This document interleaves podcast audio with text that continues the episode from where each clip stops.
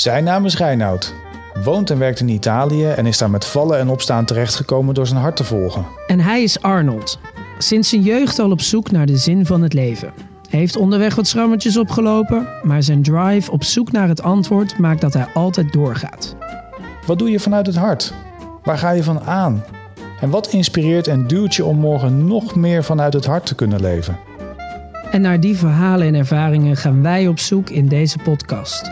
Door onze eigen verhalen te delen en met anderen in gesprek te gaan. Gesprekken over leven, passies, het overwinnen van angsten en het najagen van die grote hartenwens. Voor iedereen die zo graag vanuit het hart wil leven. Vandaag hebben we een gast.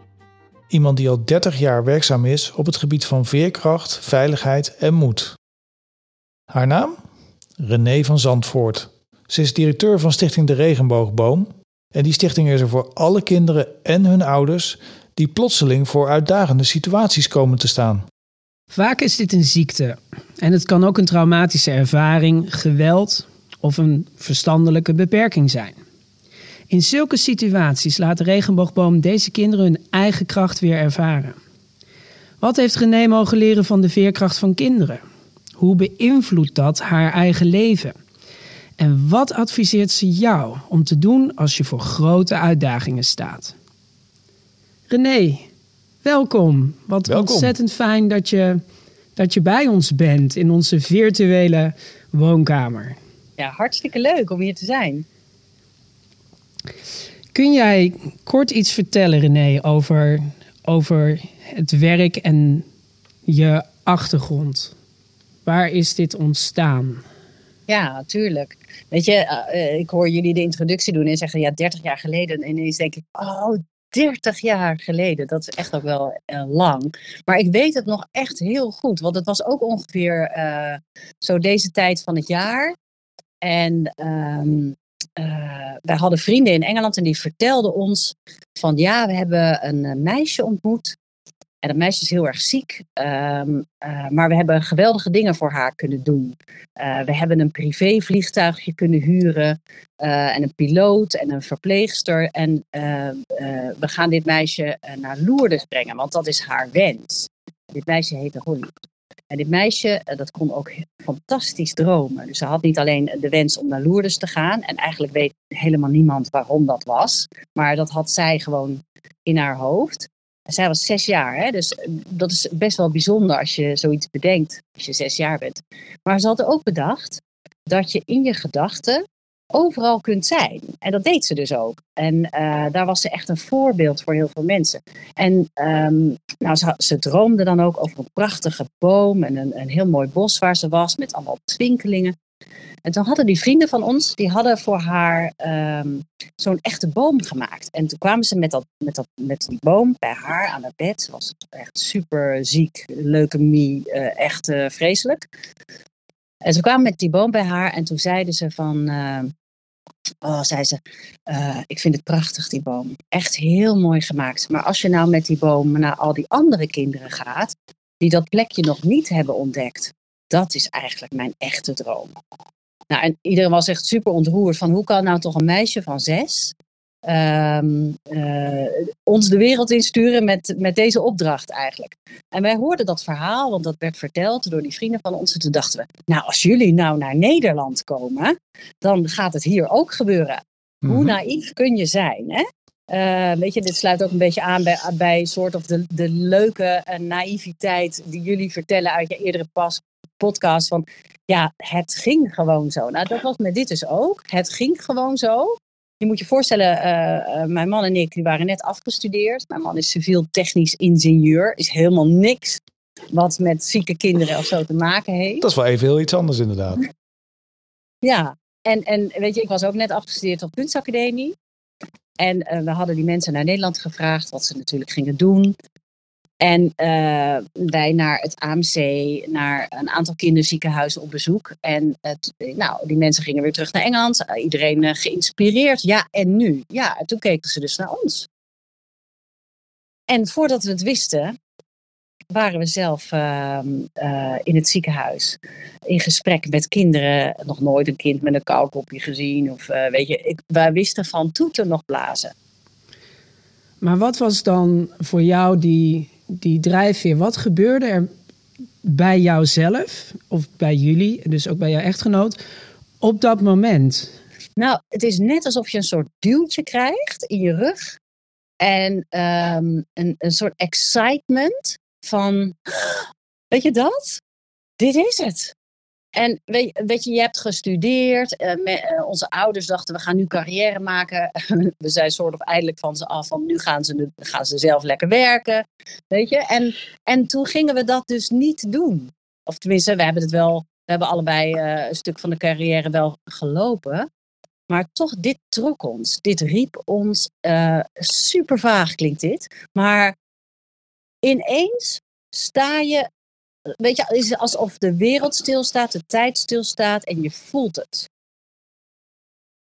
René, eh, was dat ook de eerste keer dat je dat, dat voelde, dat je dat ervaarde? Of had je dat al vaker gehad? Ik had dat nooit gehad. Het was echt de eerste keer en dat je denkt, ja, dit is het. Maar op dat moment, hè, dan voel je dat. En wij hebben daar zelf ook al een aantal gesprekken over gevoerd. Van ja, weet je, dan weet je dat voor jezelf. Maar die omgeving die kijkt daar ook op een bepaalde manier naar. En die heeft daar misschien al een verwachting bij of een oordeel over. Of die had liever gezien dat je een andere kant in was gegaan. Was dat in jullie geval ook? Nou, er zit eigenlijk nog iets voor, hè? want we voelden dat. En toen dachten we, nou, maar dat gaan we echt niet doen. Nee, weet je, wat weten wij nou? Wat weten wij nou van kinderen die ziek zijn? Nee, dit gaan we echt niet doen hoor. De beroemde weerstand. Ja, absoluut. En dus, dus, dus eh, en we gingen gewoon door met carrière maken. Nou, weet je, we doen het er een beetje bij. Hè? Zo. Ja, ja, Maar dat ja. kan best wel. Dat kan best wel. Maar dat is natuurlijk helemaal niet hoe het werkt. Maar weet je, we hadden echt zoiets van nee, maar we- eh, de conversaties in onze eigen hoofd. Eh, wat jij ook, Reinhard, eerder hebt genoemd, eh, de stemmetjes. Van ja, weet je, wat weten wij nou? Hier zijn we helemaal niet in opgeleid. Evert-Jan die zei ook van ja, ik heb een technisch beroep, man. Ik heb, eh, en, maar daar gingen we toch. Met, met de gitaar, met regenboogsokken aan. En dan waren we bij die kinderen en dan waren we echt, stonden we een soort of in vuur en vlam. Want dat was het. En dan kwamen we het ziekenhuis uit en dan ah, waren we helemaal vol energie. Maar ja, smiddags ging wel even Jan weer werken op Schiphol in, in zijn vak. René, kun je ons eens meenemen naar de eerste keer dat jullie dat gingen doen? Dat je voor de eerste keer, ik, ik, ik stel me zo voor dat je op een gegeven moment op de, de gigantische parkeerplaats van een ziekenhuis staat en dat je denkt, we gaan naar binnen, we gaan het doen. Kun je, kun je Ja. dat nog herinneren? Ja, als de dag van gisteren. Nee, Ik weet het nog supergoed, want het zit zo in mijn hart. Dat gaat nooit meer weg. Dus we, we waren, de eerste keer was in het AMC. We hadden eh, vlak daarvoor hadden we een bandje, een cassettebandje, dat had je toen nog. Cassettebandje gekregen. En eh, dat heette eh, Liedjes voor het slapen gaan. Heel lieve CD. En daar stond een liedje op. ehm, Als ik kon, gaf ik vleugels aan jou. En nou weet je, wij hadden het concept in Engeland gehoord. Eh, maar wij dachten, ja, eh, hoe arrogant kun je eigenlijk zijn? En wij dachten, wij kunnen dat beter. Want wij willen. ja, je gaat nu lachen, maar zo was het. Eh, we dachten, we willen interactie met die kinderen. We willen praten met die kinderen, we willen liedjes voor ze zingen. Dus, en Evert-Jan en ik hadden in onze studententijd heel veel toneel, theater, dingen gedaan, liedjes geschreven, musical gedaan. Dus we dachten, nou, wij kunnen dat wel. Evert-Jan die speelde tien akkoorden op zijn gitaar. Dus dat is genoeg. Geweldig. Ja, je, maar zo ging het ook. Het was bijna te kneuterig voor woorden. En je moet je voorstellen, even om in de tijd te plaatsen, 30 jaar geleden. ehm, is ongeveer de tijd dat, dat de cliniclowns voor het eerst het ziekenhuis inkwamen. Weet je, eh, ouders sliepen nog niet in het ziekenhuis bij hun kinderen eh, op de kamer. Dat is nu allemaal. Hè. Dat vinden we nu heel gewoon. Maar dat was toen niet. Dus dat wij zo kneuterig waren, hoorde ook echt helemaal in die tijdsgeest. Maar we, weet je, het was gewoon van we beginnen ergens. Dus we hadden dat liedje. Als ik kon, gaf ik vleugels aan jou. Dus dat hadden we geoefend samen. En we hadden zelf een liedje geschreven op de melodie van het, eh, het Kangaroo-eiland. Dus dan hadden we een liedje opgeschreven in het regenboogbos. Nou, hartstikke leuk. Dus we hadden twee liedjes en we hadden één verhaal. Nou, dus wij daarmee uh, uh, inderdaad met de gitaar onder onze arm. We hadden een boom gemaakt. Zo het ziekenhuis in. Vol, volledig open van... Nou, kom maar op. Nou, en dat was ook de beste houding. Want ja, het was ook een kom maar op. Dus we ontmoetten geweldige kinderen. En we hadden leuke gesprekken. En ja, het, het was eh, adembenemend. En toen, toen we, eh soort of, dat was ongeveer een uurtje. Toen we eh, de, de, de speelkamer, dat is dan een, een centrale kamer in het ziekenhuis waar die kinderen bij elkaar komen. Toen, toen we daaruit kwamen, eh, toen hadden we ook echt zoiets van, jeetje, wat was dit makkelijk en leuk. En dat we totaal vergeten waren hoe ziek die kinderen waren. Oh, wauw. En toen dachten we, dit is de sleutel. Dit kunnen wij dus. En de sleutel was echt van, ja, in het moment te zijn en met die kinderen te zijn en gewoon lol te maken. En dat hebben we dus ook gedaan. Wauw, en als je daar. ehm, dus ik hoor heel veel elementen in je verhaal. Eh, waarvan ik zelf echt in mijn hart alweer voel van wow, dit is zo exciting. Ehm, met name omdat je gewoon ergens begint. Van, hup, we gaan gewoon en we zien wat er ontstaat. En we staan er met de juiste en met de beste intenties om er iets moois van te maken. Maar de, de, ja, wat de uitkomst ook gaat zijn. Hè, het komt vanuit je hart. Wat is voor jou daarin ook echt een, een heel memorabel bezoek geweest? Heb je in, in het bijzonder een bezoek gehad dat je echt denkt van wow, dit was wel heel bijzonder. Ja, ongelooflijk veel. Dat is eigenlijk elke keer. Maar er is er wel eentje die, eh, of meerdere, die, eh, die wel uitspringen. Ik weet nog dat ik, eh, ik we waren in het Radboud ziekenhuis in Nijmegen. En eh, dat, weet je, soms zijn er momenten dat je zelf eigenlijk niet heel fit bent. Of dat je zelf, weet je, dat je dagelijkse beslommeringen, ehm, die zul je een beetje met je mee. En eh, zo liep ik ook een beetje door de gang in het Radboud. En we komen een kamer binnen. En eh, toen een verpleegkundige zegt, goh, kun je, kunnen jullie even bij haar langs? Want ze is net terug van de operatie. Ze, heeft een, ze is geopereerd aan hersentumor. Ze is net bij. Ik denk dat ze, eh, dat ze jullie bezoek wel fijn vindt. Toen dacht ik, wow, weet je, dat vind ik wel heel spannend. Nou, fijn. Wij gaan eh, naast haar zitten. We zingen heel zachtjes een liedje. En ze doet haar ogen open. En de moeder aan de, aan de andere kant van het bed, eh, al totaal in tranen, dat wij gewoon een lief liedje aan het zingen zijn. Ze doet de ogen open en ze wenkt mij. En ze fluistert. Ze zegt, "Eh, mag ik je een elfenkusje geven? En ik denk, oké. Ik, ik, ik, ik zeg ja, maar ik weet helemaal niet wat een elfenkusje is. Hè? Geen idee. Weet je, ik, kan- ik kan het invullen, maar ik weet niet wat zij bedoelt. En toen wenkte ze me steeds dichterbij. Want ze kon eigenlijk niet zo heel goed praten. En wat ze toen deed, met haar wimpers over mijn wang, ging ze dus zo eh eh, titelend aaiend. Ze zegt, dat is een elfenkusje. Wauw. En haar moeder zei dus, want dat vond ik dus zo bijzonder. Hij ze zegt, nou, als zij nu dit al kan, als jullie dit nu al in haar wakker maken, dan gaat het goed komen met haar. En dat was echt zoiets dat ik, het moment dat ik dacht, ja, kennelijk zetten wij dat dus in gang. En dat vond ik echt waanzinnig. En als Dus- je net je, je schedel gelicht is, je hebt zo'n waanzinnige jaap in je hoofd, omdat je tumor verwijderd is, en je bent net terug en je doet dan dat. Als we het hebben over veerkracht, dan vind ik dat een soort ultiem voorbeeld. Wauw. Wat jullie dus voor elkaar hebben gekregen door daar te zijn. Ja, door heel goed op te letten, te kijken van, weet je, waar stuurt zij mij naartoe? Want dat is, dat is weet je, want die, na dat eerste bezoek, hè, ik maak nu wel even een sprongetje in de tijd, maar na dat eerste bezoek, eh, toen dachten we, nou, wij kunnen het, hè? En toen zeiden we, weet je, als we nou iets voorbereiden, dan gaan we het zo doen, dan gaan we het zo doen. En eh, ja, want dan zijn er kleine kinderen en voor pubers doen we dan wat anders. En nou, dus hadden we het hartstikke voorbereid zagen we geen, geen kleine kinderen en we zagen geen pubers in dat bezoek, maar we zagen zevenjarigen.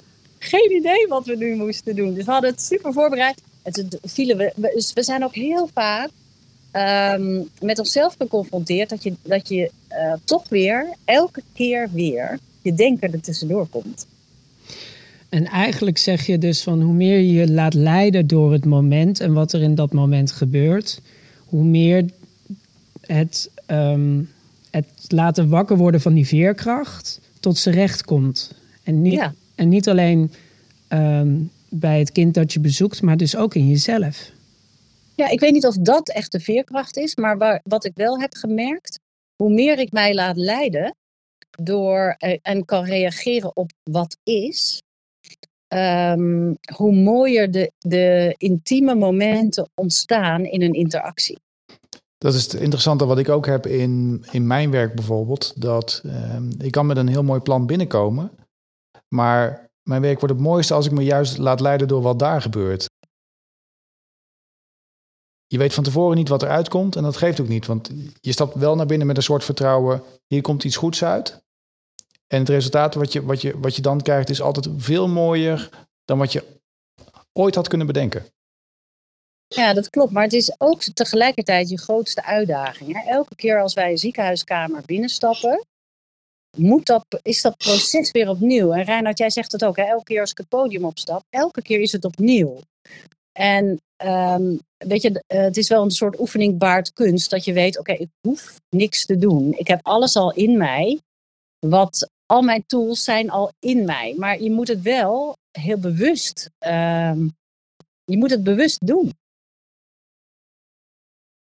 Heb, heb jij altijd dat vertrouwen dat je die tools in je hebt? Nee, nee. Nee joh, ik ben een hartstikke mens. Soms denk ik, nee, ik, ik- vandaag kan ik het niet. Ik, nee, het gaat vast niet. Ik ah. Maar het, is, het is net alsof je, weet je, ehm, als je een marathon gaat lopen, ga je ook niet meteen ehm, eh, 40 kilometer trainen. Nee, dan train je eerst 5 kilometer. Of, weet je, en het is gewoon elke keer die stap te zetten. Elke keer weer. Ja, die, ehm, dat, dat herken ik ook heel erg inderdaad. Ook als je het hebt over het podium. Of als je dan weer een nieuwe... Ik, ik merk het dan ook als ik nieuwe trainingen ga geven. Eh, dus bij nieuwe klanten binnenkom. Dat ik iedere keer van tevoren denk van... Oh, ik moet spugen. Oh, ik kan dit niet. Oh, wat is dit vreselijk. En waarom zou ik dit doen? En heel vaak hebben wij dan ook nog wel even contact, eh, jij en ik, René. Dat ik echt zeg van, oh, waar ga ik nou weer aan beginnen? Waarom doe ik dit? En waarom, waarom kan ik niet gewoon een eenvoudige baan hebben... waarbij ik begin s ochtends om negen uur... en dan gewoon om zes uur naar huis ga met zo'n badge... en inchecken en uitchecken. Eh, zo ja, en dan is het geregistreerd, heb ik mijn uren gemaakt... dan is het ook wel weer goed. Waarom moet dit parcours?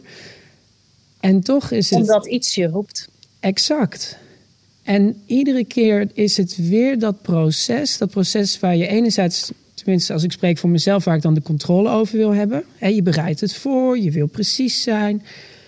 En dan zie je een zaal of dan ontmoet je die persoon in kwestie. En dan denk je, ja, oké, maar hier is iets heel anders nodig op dit moment. En die weerbaarheid van, oh wacht even, maar dat, en flexibiliteit van, oh wacht even, maar ik mag nu op een andere knop gaan drukken. Want als ik nu heel keurig mijn leidraadje ga uitvoeren, dan gaat het niet werken. Nee, gaat het niet worden. Dan krijgen we zo, zoveel weerstand dat, dat, er, dat mensen zich gaan sluiten. Terwijl we juist willen dat ze open gaan. Dat lijkt me ook omdat je natuurlijk in die bezoeken je heel erg moet laten leiden door ja, wie je ontmoet, wat je aantreft, eh, hoe de situatie op dat moment is. Ja, dat klopt. En, en ik heb er wel een soort formule voor bedacht voor mezelf. Eh, want du moment dat, weet je, dat we die deur open zwaaien en we kijken naar dat kind, dan, dan kijken we dat kind aan en dan vragen we, mag ik even binnenkomen?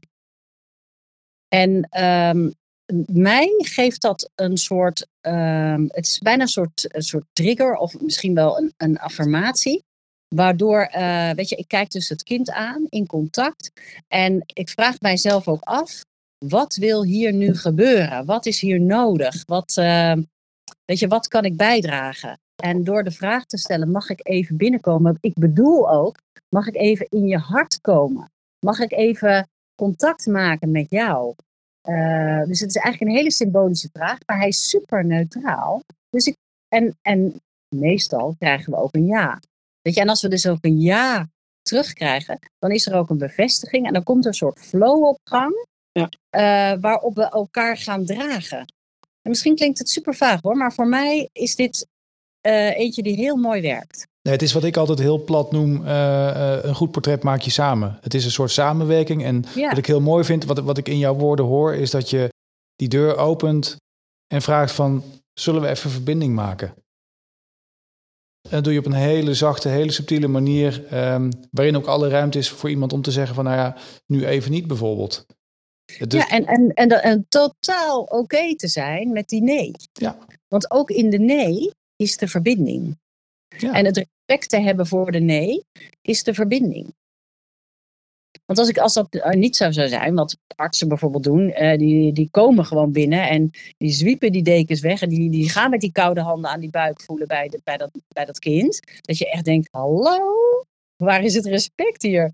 Nou, dat zo zou ik het nooit willen doen. Nee. Dat, het, het gaat om, en wat ik ook heel erg uit jouw woorden hoor, is dat het gaat om waardigheid. En het zien van, de, van hoe groot iemand is. Ja. Dus eigenlijk, het gaat niet zozeer.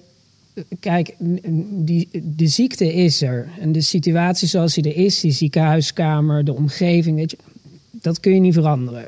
Je kunt, het, je kunt die kamer heel mooi maken, zodat je daar de aandacht van afleidt. Maar de ruimte blijft de ruimte, de ziekte blijft de ziekte. Ja, je bent daar natuurlijk niet, niet voor je lol. Nee. Maar wat ik fascinerend aan je verhaal vind, is hoe je door te werken met waardigheid, of ja, door beroep te doen op waardigheid, op het potentieel van iemand. Van oké, jij bent niet die ziekte, jij bent meer dan dat. Ja. Ontstaat er dus, en ik denk dat dit ook een hele mooie les is voor, voor heel veel mensen. Hè? Want we kunnen, heel vaak kunnen we ons zo verliezen in dingen. Van oh, en het is allemaal. En, en het moet allemaal praktisch en het moet allemaal kloppen en de controle. En terwijl we daarmee vaak ook uit het oog verliezen waar het om gaat in menselijke relatie. Dus inderdaad in het zien van de grootsheid. Deze bezoeken gaan alleen maar over de menselijkheid. Want weet je, wij vragen niet, goh, wat heb jij? Of hoe gaat het met jou? Ook gewoon een vraag die we niet stellen. Eh dat is niet dat we niet geïnteresseerd zijn in hoe het met je gaat, maar het is, het is niet dat deel van het kind wat we aanspreken. En eh, we praten tegen een kind precies hetzelfde als tegen volwassenen. We praten tegen een tweejarige ook volwassen. Wat ik zo mooi vind is dat je eigenlijk de, de, de natuurlijke hiërarchie die er is tussen bijvoorbeeld ouders en kinderen, volwassenen en kinderen, zo moet ik het eigenlijk zeggen, dat je dat helemaal weghaalt. Dat je, dat je Ja. elkaar helemaal gelijk stelt. En eh, leeftijd doet er niet toe, situatie doet er niet toe. Dat maakt allemaal niet uit. Maar hoe gaaf is dat? Want daarmee wordt het eigenlijk super universeel. Ja, Het gaat over universele waarden die we allemaal hebben.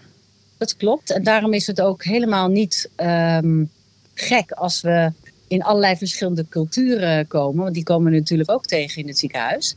Ehm, weet je, en dat we dan ook geïnteresseerd zijn. Bijvoorbeeld ehm, mensen met een hele eh, andere achtergrond dan, dan die van mijzelf. Eh, wat ik heel erg leuk vind. Bijvoorbeeld ehm, moslimvaders, om maar wat te noemen.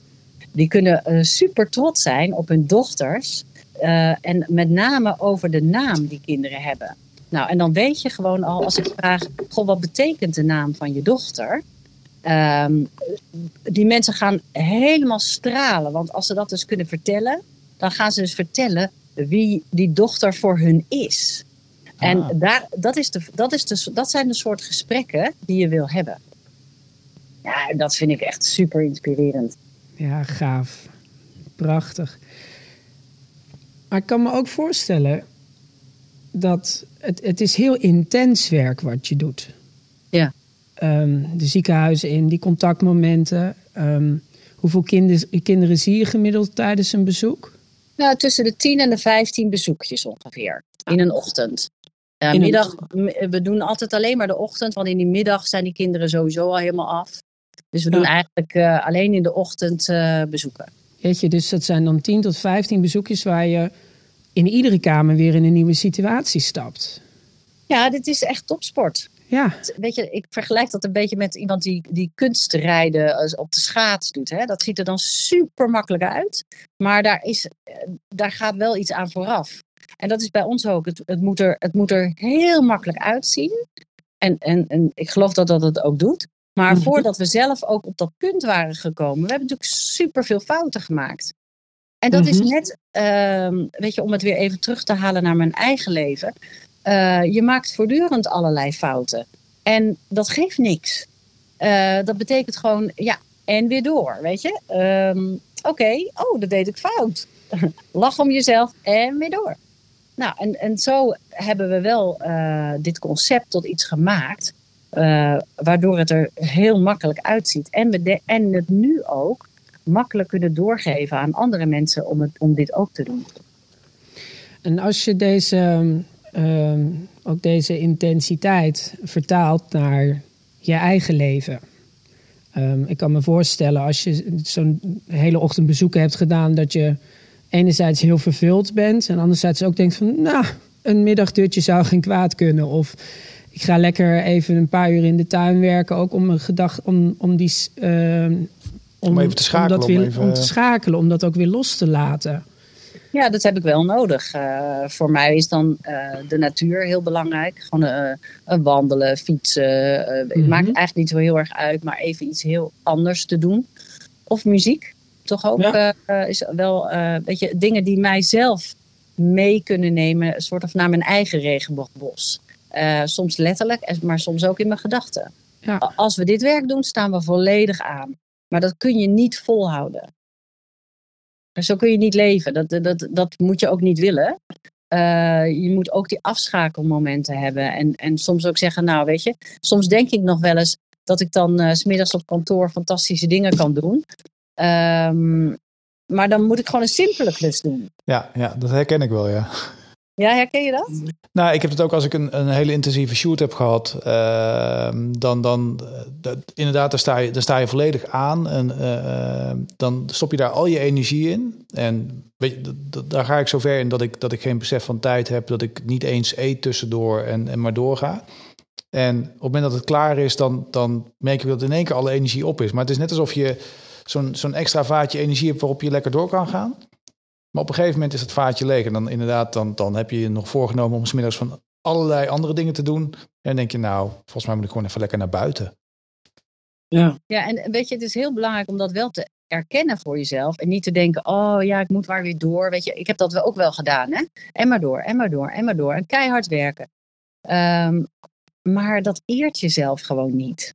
Eh, het eert niet de prestatie die je hebt neergezet. En wij, wij zeggen altijd tegen elkaar, ehm, ehm, celebrate after every storm, zeggen we dan. Hè? Celebrate. Sowieso, weet je, vier je succes. En als je dus een mooie bezoek hebt gehad, vier dat succes.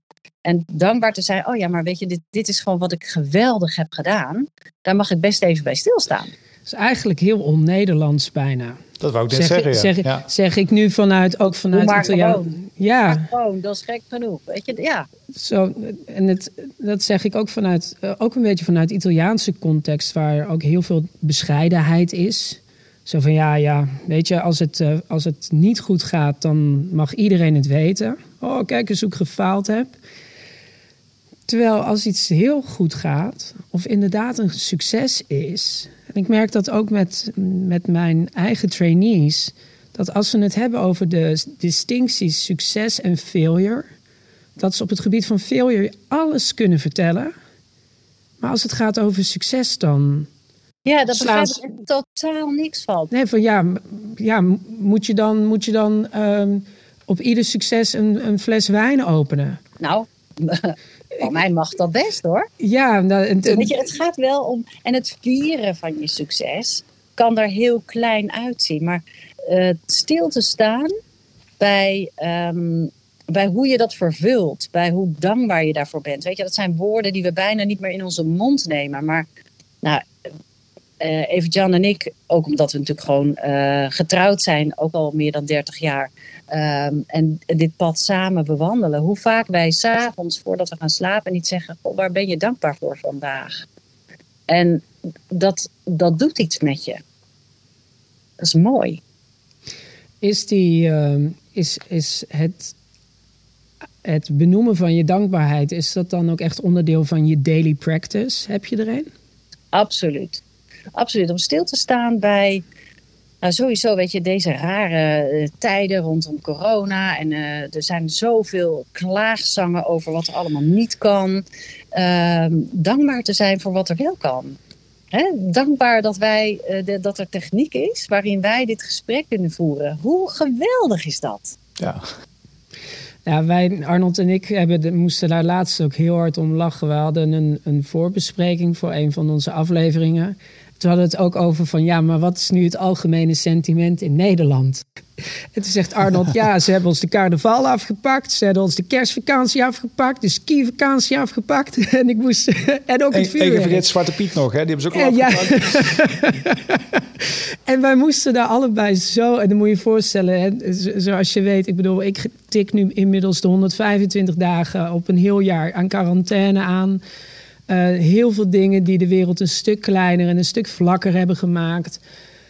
Ja, en wij moesten er allebei zo onbedaarlijk hard om lachen. Van, het zet ook zoveel weer in perspectief. En na ons gesprek opende ik toevallig op de BBC een artikel over de kinderen in de eh, vluchtelingenkampen in Moria.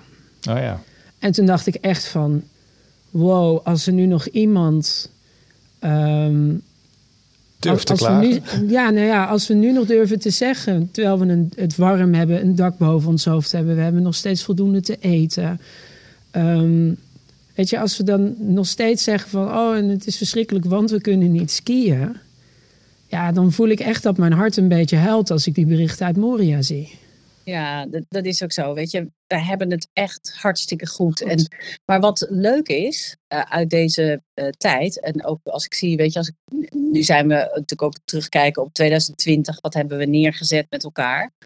Eh, wat het gevraagd heeft, ehm, of wat het ons gebracht heeft, is echt creativiteit. En nieuwe aspecten, nieuwe dingen. Weet je, we zijn verder gegroeid dit jaar, of in 2020 eh, dan dat we hadden gedacht. Eh, omdat we ehm, iets heeft ons getriggerd. En ja, je kan twee dingen doen. Je kan volledig verlammen en inderdaad in de klaagzang gaan. Maar je kunt ook zeggen, ja, oké, wat kunnen we wel? Als je het nou hebt over een van mijn andere daily practices, behalve dankbaarheid, is ook echt van, ehm, weet je, focus op wat je wil. En niet op wat je niet wil.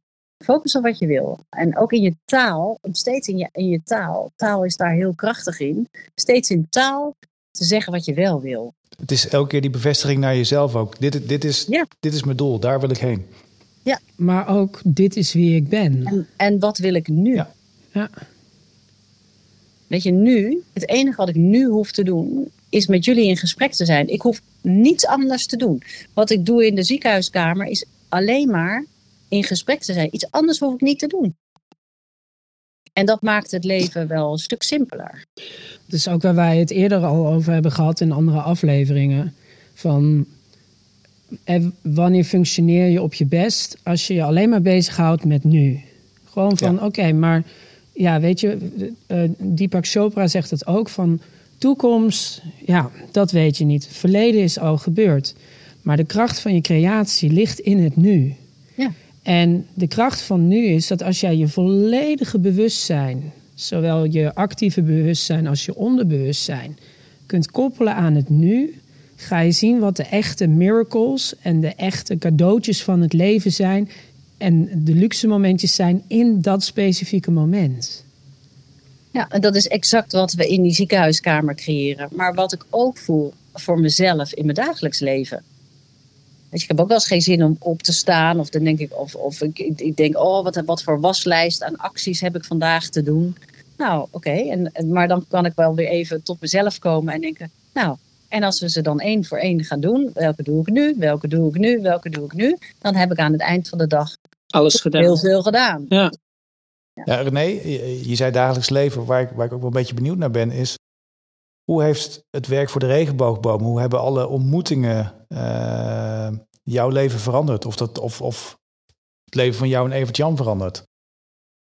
Nou ja, weet je, wij hebben natuurlijk op een gegeven moment gekozen dat ehm, eh, de visie van de regenboogboom eh, volledig deel zou uitmaken van ons leven. Dus dat we niet meer nog een andere baan ernaast zouden doen. Later ben ik wel nog een eigen bedrijf in imago-styling begonnen. Maar weet je, het was echt zo van, ja, we kiezen gewoon voor, eh, voor deze manier van leven. En dat, dat uh, eventueel zijn vader ook zei van, ja, gaan jullie dan nu missionarissen worden? Ik vond dat wel een interessante visie. Ehm, uh, weet je, we, ko we, kozen echt voor dit. En, um, maar wat we niet wisten uh, was, uh, ja, weet je, op een gegeven moment, je hebt ook een organisatie nodig. Je hebt, we hebben een stichting opgericht, we hebben een bestuur, we hebben, je moet vrijwilligers aansturen. Dus um, weet je, als ik nu dan fast forward doe en ik kijk nu naar mijn rol uh, weet je, er is marketing te doen, er is fondsenwerving te doen. Uh, dus er is heel veel te managen in het werk. Uh, maar de onderliggende toon is altijd uh, waar, waar doen we het voor? En, dat is de verbinding met de kinderen. En dat maakt dat zelfs echt klussen die ik heel vervelend vind, zoals fondsen aanvragen en brieven schrijven, vind ik echt helemaal niks aan. Of een jaarrekening maken. Ehm, kan ik nu met een eerlijk hart zeggen dat ik dat leuk vind. Uh, weet je, uh, cijfers. Nou, ik had altijd nou, daar ben ik echt veel te dom voor. Dat snap ik niet. En de jaarrekeningen. Oh, accountant. Nou, verder van mijn bed kon er niet staan. Maar ik dacht, ik moet mij dat eigen maken, want het doet ertoe. En na, naarmate ik me dat meer eigen ging maken, ging het ook veel leuker vinden. Je, nu presenteren we cijfers elke maand en uh, volg ik het en snap ik het en denk ik, oh, maar nu wordt het leuk. Dus in plaats van in je weerstand te blijven zitten, heb je de zeilen op je, op je boot eigenlijk gedraaid om de storm aan te kunnen als kapitein. Nou, ik heb tegen mezelf gezegd, um, I have to make it my business. Weet je, gewoon van um, niemand anders gaat dit doen. Niemand anders gaat dit doen. Dus ik, I have to make it my business. Dus ik ja. moet gewoon die cijfers snappen. Dus hoe ga ik het in die. Uh, ik ga iemand zoeken die mij dit in Jip en Janneke taal kan vertellen. Zodat ik uh, ownership kan hebben. En dat is ook een van de belangrijkste lessen die ik van jou heb geleerd, René. Dat, gaat, dat het echt gaat over ownership. Um, want wat je eerder zei over je schoonvader. Die zei van ja, maar worden jullie dan nu missionarissen? Um, ik, ik, heb die vraag, nou niet zozeer of ik missionaris zou worden, zou ook niet geloofwaardig zijn. Maar uh, ik heb wel de vraag gehad van, ja, wat ga je nou eigenlijk doen in Italië? En ja, denk je nou echt dat je operazanger kunt gaan zijn? Gaat dat überhaupt er zijn voor je? En ik weet nog wel dat ik dat heel erg ingewikkeld vond. Dat ik dacht van, oh ja, hmm, little voice, van oh chips misschien hebben ze wel gelijk. Misschien ben ik wel echt het meest idiote aan het doen wat de mens, wat bezielt me. En dat heb ik af en toe nog steeds wel hoor. Dat ik stiekem denk van, oh, wat bezielt me hier. De um, vraag die je ook zou kunnen stellen is, maar waarom zou je dat niet kunnen doen? Ja, inderdaad. En daar komt het stuk van dat ownership in. Um, ik weet nog, ik woonde net in Italië en dat je ook tegen mij zei van, ja, maar in alles Weet je, als het van jou is, is het altijd goed. Weet je, het, het, moet van jou zijn. Ja. En dan maakt het verder, ja, en het maakt dan verder niet uit wat een ander daarvan vindt. Als jij er maar mee kunt zijn. En als het voor jou, als jij het echt kunt ownen wat je doet. Je waarde, je visie, waar je voor staat. En dat is voor mij echt wel behoorlijk life-changing geweest. Ja, maar wacht even. Als ik als ik voel in mijn hart dat die opera het voor mij is, dan gaan we ervoor. En dan kun je het. En dan kun je het ook. Weet je, niemand loopt in jouw schoenen. Dat zeggen de Indianen. Hè? Nobody's walking in your moccasins. Uh, dus niemand ziet het vanuit jouw perspectief. Nee. Iedereen kan een oordeel hebben en een advies hebben. En, maar dat gaat over hun angst. Ja. Niet over het pad wat jij te bewandelen hebt. Weet je, als wij niet gevoeld hadden die eerste paar keren in het ziekenhuis, waren we niet nu hier. Nee. Hè? Maar het moment dat jij voelt, dit, dit, dit is het. En hoe leg je nou uit, wat voel je dan? Ja, dat weet je gewoon op het moment dat het er is. En natuurlijk kun je het nog tien keer ontkennen. Maar het komt iedere keer als een boemerang echt wel weer bij je terug. En het is wat jij zegt, René, het is dat duwtje in je rug. Dat je op een gegeven moment ergens staat, ergens bent en in één keer voelt, dit is het. Ja, en soms is het, dit is het voor nu. En over vijf jaar zou het ook nog weer iets anders kunnen zijn. Ja. En ook dat is oké. Weet je, want um, je, het belangrijk is om te eren dat je dat moment hebt gevoeld. Dat is ook wel uh, een interessante constatering bij mij afgelopen jaar. Dat ik uh, natuurlijk altijd als fotograaf werkte en, en uh, mezelf ook min of meer opdrong van ja, dat is waar je goed in bent. focus al je energie daarop. En dit jaar ben ik juist gaan verbreden. Ben ik mezelf ook ben ik mezelf juist toe gaan staan om, om juist te gaan verbreden. Om juist veel meer om me heen te kijken en andere dingen te doen. Ja, dat is mooi. Dat is mooi dat je dat zegt. En zo werkt het ook. Kijk, wij doen al lang niet meer alleen maar bezoeken. Weet je, we hebben nu een heel scala van wat we dan in de marketing producten doen. Maar ja, het klinkt nog een beetje raar als een stichting, maar we runnen toch wel deze stichting als een bedrijf. En we hebben dus ook producten. Dus we hebben niet alleen de bezoeken of droomdekentjes, maar we hebben een app en we hebben, we hebben verschillende dingen. Maar de visie van waaruit we dat doen, en dat is bij jou denk ik ook zo Arnold, de visie waarvanuit je dat doet, van wat je echt beweegt, is die kracht van binnenuit, die veerkracht. Weet je, wat ondersteunt dat nou? En er zijn zoveel wegen die naar, naar datzelfde punt kunnen leiden. Dus soms is er niet één duwtje wat je voelt. En om daarnaar te luisteren, ja, dat is wel spannend, ja. Of het is inderdaad, inderdaad dat, dat, je, dat je op een gegeven moment die visie hebt ontdekt, maar dat die visie meerdere uitingsvormen kent, meerdere verschijningsvormen. En, uh, Maar dat je altijd wel weet, er is ergens zo'n, nou, ik noem het dan wel eens de kapstok, waar je alles aan op kan hangen. Ja. Iets waar alles samenkomt. En die kapstok, kapstok is dus volledig gebaseerd op waarden en op onze eigen bronnen. En welke uitvoeringsvorm dat dan krijgt, ja, weet je, dat kan van alles zijn. En ik denk dat heel veel mensen um, vaak de uitvoering ervan of de uitwerking ervan dan heel spannend vinden. Van, oh, wacht even, maar ik ga een hele andere kant op dan ik had gedacht en dan, uh, dan anderen mij hadden zien doen. Um, maar als je daar dan eenmaal bent, ja, dan voelt het wel verrekte goed. Dus je echt denkt van, oh, wacht even. Ja, weet je, mensen, mensen, andere mensen vragen dan vaak van, ja, maar weet je, wat is, wat is dan je stip op de horizon? En, uh, en als je dan zegt, dat weet ik niet, ja. dan kijken ze je ook heel appelig aan. Maar dat maakt dus niet uit, want weet je, je hoeft maar één stap vooruit te weten. Want, uh, uh, ja, hoe zeg ik dat? Niet, je kunt niet alles weten. En je hoeft ook niet alles te weten.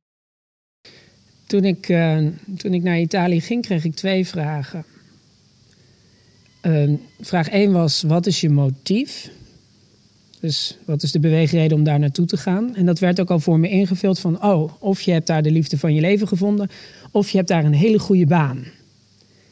Iets anders was niet mogelijk. Iets anders was niet mogelijk, ja. En dat ik nog dacht van, hmm, dat is interessant, want het is allebei niet waar. Ik had duizend euro en ik ben vertrokken. En ik heb gekozen voor mijn leven. En toen ik dat zei, van, en jij zei dan altijd mooi van ja, nou sterker nog, je gaat je hart volgen. Dan kreeg ik iedere keer hele rare blikken. Van ja, maar wat ga je daar dan doen? Ja, geen idee. Het ontvouwt zich wel. Nou, ik vind het mooi ook om, weet je, als je dan taal gebruikt als een vorm van bekrachtiging. Uh, nou, de eerste stap die ik ga zetten is doen wat ik weet. En dat is, uh, weet je, voor jou was dat dan marketing. Hè? Dat was wat je wist. Ja. Tot ik mijn volgende stap weet. Ja. Tot ik het teken heb van mijn volgende stap. En dat is genoeg. En wat ik heel inspirerend vind, hè, er zijn heel veel mensen, zoals, zoals jullie, zoals ik, uh, en we beginnen elkaar te herkennen. En als we dan gaan praten, hè, ook, weet je, dat merk je ook in dit gesprek, daar worden we allemaal heel blij van. Dat je dan denkt, ja, weet je, we zijn niet freaking de enige die dit doen. Nee, er zijn er meer. En, en um, we weten elkaar steeds beter te vinden. En die twinkeling die we dan in elkaars ogen zien, um, dat je denkt, oh ja, weet je, ik heb me zo lang een, een, een, een stem in de woestijn gevoeld, maar uh, we beginnen elkaar te vinden. Je merkt dat je dezelfde taal spreekt.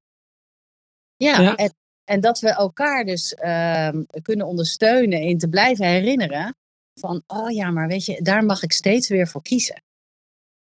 Ja, daar vind ik het ook zo gaaf dat jullie het initiatief hebben genomen om deze podcast te doen en gewoon kwetsbaar te zijn en te zeggen, ja, weet je, wij doen dit vanuit ons hart. We doen dit gewoon. En dat zal andere mensen zullen dat gaan herkennen en zal dat ook iets losmaken. Ja, dankjewel. Ja, ja dat, dat is wel de intentie om, uh, om dit te doen. En het is inderdaad heerlijk om, om podium te bieden aan gelijkgestemden. Omdat het zeker nu, zeker ook na het jaar wat, na dat hele coronajaar en ook als je kijkt in de kranten en leest in het nieuws wat er, wat er gezegd wordt, ook over mentale gezondheid, over de mensen met angsten, mensen met, die hun banen kwijt zijn en echt even geen stip op de horizon hebben. Ja, dat het wellicht ook gewoon heel fijn is als er een geluid gaat zijn van hé, hey, het, het komt heus wel goed. Ja. je, vertrouwen op jezelf. Vertrouwen op je eigen voetstappen. En ja, het is eng. En ja, het, het, voelt af en toe echt alsof je door elkaar geschud wordt. Ja, er zijn dan tien redenen om dingen niet te doen. Maar als er één reden is om, om dingen wel te doen. Weet je wat, uh, een van de dingen die, uh, uh, die we gaandeweg ook, eh, ook van kinderen hebben geleerd, maar ook gewoon een soort tot een model hebben gemaakt, zodat we het goed konden communiceren, is wat wij noemen de cirkel van angst en liefde. Oftewel de achtbaan van het leven. Want je kan dat ook als een achtje zien. Hè? En je kunt je iedere keer afvragen: zit ik nu in die cirkel van, van angst? Weet je, van uh, oh, ik kan het niet en ik durf het niet. En, uh, of zit ik in de cirkel van liefde? Wat empowert me? Welke keuze kan ik maken? En dat je dus echt kunt kiezen in welke van deze twee cirkels leef ik mijn leven? Welk, of, om het nog uh, meer alledaags te maken, in welke van deze twee cirkels zit ik nu? Ja. En als je dus ergens tegenaan loopt, dat je even stilstaat en denkt: oké, goed.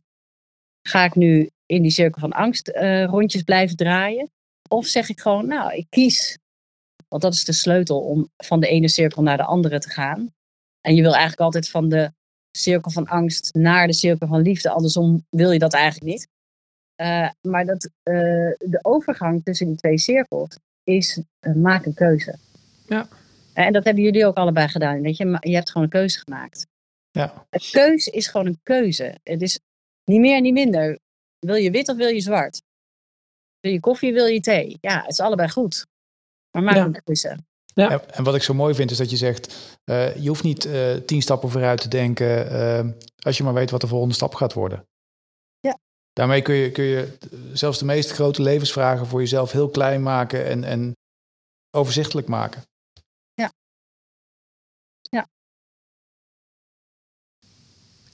Wauw.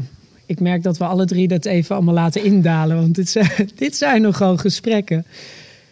Maar het is wel, ja, het doet me ook denken aan wat Mandela ooit zei: van may your choices reflect your hopes and not your fears. Ja, dat is volledig de cirkel van angst en liefde. Ja, die heb ik ook echt op mijn muur, aan de muur hangen. Van iedere keer als ik weer voor een nieuwe keuze sta en ik vind Um, zeg maar die momenten voor de keuze vind ik altijd heel ingewikkeld. Zo van ja, maar wat moet ik nou doen? En dat heeft bij mij er dan ook vaak mee te maken dat ik me heel erg emotioneel verbonden voel met mensen. En dan eerder een keuze zou maken voor uh, het welzijn van de ander, dan dat ik het zou doen voor mezelf. Ja. Dus dat ik dan denk van nou ja, weet je, ik doe het voor ja, die dat persoon. klinkt al heel nobel, hè? maar het is echt niet nobel. Niet nobel, absoluut helemaal niet. niet. Het eert jou helemaal niet. Het, ze zeggen niet voor niks in het vliegtuig dat je eerst je eigen masker moet opzetten, Ja. voordat je die van een ander opzet. En, en dat klinkt, weet je, en in onze soort of spirituele kringen is het een soort not done, maar het slaat echt helemaal nergens op. Je moet echt eerst voor jezelf zorgen. Ja. En, en, en zorgen dat je oké bent en, en dat je keuzes maakt die jou eert. Ja, eh, vinden mensen dat dan niet leuk? Weet je, dan zijn dat niet de vrienden die je om je heen wilt hebben. Nee. Oprah zei er altijd over van mijn theekop is zo vol dat die overloopt en wat er op het schoteltje valt, dat is voor de anderen. Dat is mooi. doe ik ook echt wel dat ik iedere keer als ik nu een kop thee inschenk, dan denk ik, ja, wacht even. het is wel goed doen. Maar, maar het is zo sterk om daarover na te denken. Hè, van, eh, want ik merk dat dat op dit moment mijn proces is. Ehm, ik weet nog toen ik emigreerde dat ik ook echt zoiets had van, oh jeetje, maar wat doe ik die andere mensen aan? In plaats van dat ik dacht van, gast, je gaat aan een van je mooiste avonturen ever beginnen. En ga ervoor, geniet ervan en laat je verrassen en ga het doen. Ja. En ik dacht alleen maar, oh, maar dit kan ik echt niet maken. Dit is zo egocentrisch wat ik aan het doen ben. En ik voelde me toen ook nog, in, zeker in het begin, het eerste jaar, echt heel erg schuldig. Want ik had het allemaal nog niet echt goed op orde. Ja, logisch. En ik moest om geld vragen en ik moest om hulp vragen. En nou, dat voelde zo tegenstrijdig. Terwijl als. Ik onderbreek je even, maar is om hulp vragen dan werkelijk zo erg? Nee, daar ben ik inmiddels achter dat het ontzettend fijn is om te doen. Want met hulp vragen kom je juist weer verder en kom je ook veel meer over elkaar weer te weten. Ja. En uh, leidt het eigenlijk alleen maar tot meer verbinding. Weet je, je, je bent niet sneu, zielig of minder waardig als je om hulp vraagt. Het is juist iets heel krachtigs om je verder te helpen op het pad waar je loopt. Maar dat is misschien ook het punt dat, dat hulpvragen uh, uh, is je in, in zekere zin kwetsbaar opstellen. En kwetsbaar opstellen is, wat ik ook wel merk in mijn vak, toch wel waar mensen toch best veel moeite mee hebben. En waar je toch vaak, of waar ik vaak net even iets extra energie in moet stoppen om dat voor elkaar te krijgen. Ja, op een of andere manier hebben we met elkaar afgesproken in de wereld dat we eh, vooral heel sterk naar buiten moeten zijn. Uh, Weet je, dat je wordt of niet mag laten zien wat er achter die voordeur gebruikt. Maar juist de meest mooie momenten gebeuren als je zichtbaar bent in, in alle vraagstukken die je hebt. En je je helemaal niet beter voor te hoeft te doen dan je bent. Want je bent al geweldig. Weet je, Reinhard, dat jij de moed had om te gaan. Dat was natuurlijk gewoon geweldig. En dat je zegt, ja, en ik heb daar wat support bij nodig. Nou, hoezo zou je dat niet vragen? Ja. Ik moet in één keer denken aan wat je in Nederland zo vaak hoort. Dat, dat, uh, ik heb dat meegemaakt toen ik mijn eigen bedrijf begon. Uh, dat mensen nog wel eens uh, onderling tegen elkaar zeggen... nou, als ik hem was, ik had het nooit gedaan hoor. Nee, uh, of in deze tijd. En, uh, ja, ja, precies. Nou, uh, terwijl ik, ik denk dat, dat het mooi is als je juist iedereen het beste gunt en, en elk, elk besluit van iemand, hoezeer je het ook af zou raden, maar gewoon toejuicht. Dat zou geweldig zijn als we dat zouden doen met z'n allen. Ja. Ik moet in één keer denken aan, en dan gaat Reinhard zo meteen lachen, dat weet ik zeker. Pak een willekeurige aflevering van Ik, ik Vertrek, het programma van, uh, van, van, de Tros, of tegenwoordig Avro Tros. Echt, ik ga stoppen hier hoor. Dit gaan we. Bekentenis is een van mijn favoriete programma's. Maar, Ook maar, dat nog. Dat is zo mooi. Echt dat wij vrienden zijn trouwens. hoe, hoe, is het mogelijk? Maar uh, nou, er is inmiddels echt een soort formule voor dat programma. En een van de, van de onderdelen is dat je op een gegeven moment natuurlijk een soort afscheid krijgt in het land waar de mensen vertrekken. Vaak Nederland natuurlijk. En dat je altijd wel wat, wat uh, ouders of schoonouders aan het woord krijgt. Dan heb je eigenlijk ruwweg twee categorieën. Je hebt de categorie die zegt, ik vind helemaal niks. Nee, het gaat nooit lukken. En de kleinkinderen ga ik nooit meer zien. En uh, ja. het wordt allemaal minder. en je hebt de categorie, en dat vind ik fantastisch, die zegt... zelf zou ik het niet durven. Maar ik gun het allerbeste en ik, ik hoop van harte dat het gewoon een ontzettend groot succes wordt. Ja. Die, die stellen, ja. uh, ondanks dat... Of ik moet het anders zeggen, die... die stellen hun eigen positie even iets opzij. Want zeggen, het gaat nu om hun geluk. En dat gun ik ze. Nou, en dat, en dat zou het mooie zijn.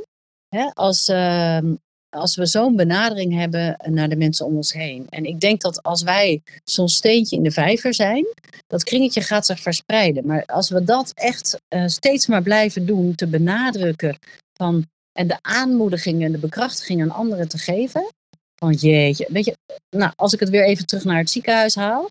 Wat wij in die ziekenhuiskamer ook tegen dat kind zeggen. Jeetje, wat doe jij dat fantastisch. Moet je kijken man, wat je allemaal al gedaan hebt. Dit heb je allemaal al bereikt.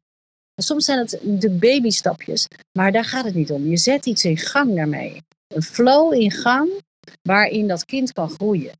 En, en, en dat is dan over het kind. Maar dat geldt ook voor ons. Wij zijn ook ook nog steeds een beetje kinderen. Maar wij, wij moeten ook groeien. Weet je, dat is, mooi als je dat in elkaar kunt aanmoedigen. Ik, ik weet ooit van een, uh, een verhaal van een, van een oude Indiaan.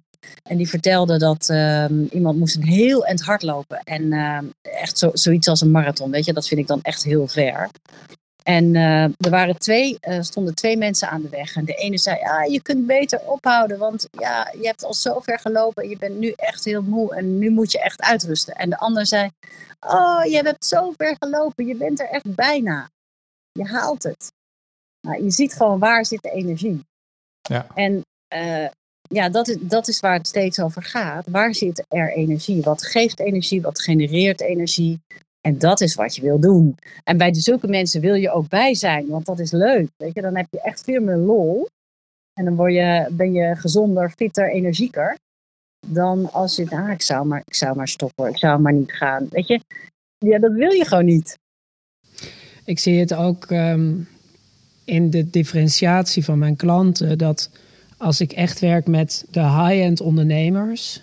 Dus die mensen die echt gewoon onwijs door kunnen gaan en daar ook echt heel veel plezier in hebben en dat het bijna lijkt alsof ze het effortless doen. Daar zit altijd nieuwsgierigheid, energie, uh, vragen. Ik heb nu bijvoorbeeld ook een hele gave opdracht lopen met een CEO die zegt van ja, ik wil gewoon alles snappen van die stem. En die had ik eerst heel keurig verteld van ja, nee, ik geef public speaking tra trainingen en dat soort zaken. En dat zei hij allemaal, ja, ja, aardig. En toen in één keer hoorde hij, omdat ik de radio iets te hard had aanstaan, hoorde hij Pavarotti op de achtergrond. Zei hij, ik hoor Luciano Pavarotti. Ik zeg, ja, dat klopt, want ik ben operazanger. En toen ging hij helemaal aan. Hij zegt, ja, maar dan heb ik jou nodig. Wauw. En ik wil met jou aan de slag. En toen dacht ik van, wacht even, dit is voor mij ook een sign. Dat hoe meer ik mij presenteer vanuit mijn vak en vanuit mijn hart, waar dat vak zo aan verbonden zit, want het is het mooiste wat er is, dan resoneert dat met mensen. Ja. En ik vind het af en toe ook nog wel even spannend. Dat ik denk van ja, maar ik ben nog in opleiding en zo goed ben ik nog helemaal niet. Maar dan denk ik van ja, zo goed ben ik al wel. En ik kan het al wel. Hoezo vraag je jezelf af, hoe goed ben je nou? Je bent. Ja, Ja, inderdaad. Ja, ja. Ja, en dat, uh, en, en ja, weet je, en dat is uh, dat in, in de vorming van hoe ik mijn leven hier leef, is dat zo lekker. Weet je, het is zo fijn. En iedere dag meer wordt, dat, wordt die operakant gevoed. En voed ik dus ook mijn echte, mijn essentie. En dat is gaaf. Maar dan breek ik nog een klein beetje in. Jij zegt, wordt mijn operakant gevoed? Maar jouw power zit hem, mijn inziens, in jij voedt Ja. jouw operakant. Want jij staat aan het roer. Jij gaat zeggen hoe dit gaat. Niks van toevallig. Ja, uh, je wordt ondersteund vanuit het universum. Maar omdat jij zegt, dit is wat ik wil. Ja. Ja, dat klopt. En het mooie is dat je gezien wordt in zijn totaliteit. Niet omdat je uh, een bepaald vak beoefent, of, uh, maar juist, juist in totaliteit als mens. En dat, dat vind ik het mooie. Je wordt heel erg gezien. Ja. Ja, omdat, ja. omdat je gewoon de moeite waard bent. Ja, en eigenlijk is dat de boodschap die we aan iedereen mogen geven, aan elkaar mogen geven. Jij bent de moeite waard. Ja. René, dank je wel. Dank je Jeetje, wel. wat een, wat een prachtig gesprek. Ja, heerlijk gewoon. Echt uh, waarop we op aangaan. En, en, en dadelijk uh, weer er zijn zweegs gaan. En dan denken, oh, maar wie kunnen we nog verder aanraken? Want uiteindelijk, ja. weet je, dat is gewoon wat we alle drie wensen. En dat is ook heerlijk om dat nu met elkaar te delen. Dus dank je wel dat ik dat hier mocht doen met jullie. Heel graag. Heel graag. Ja, echt, uh, echt geweldig. Dank je wel.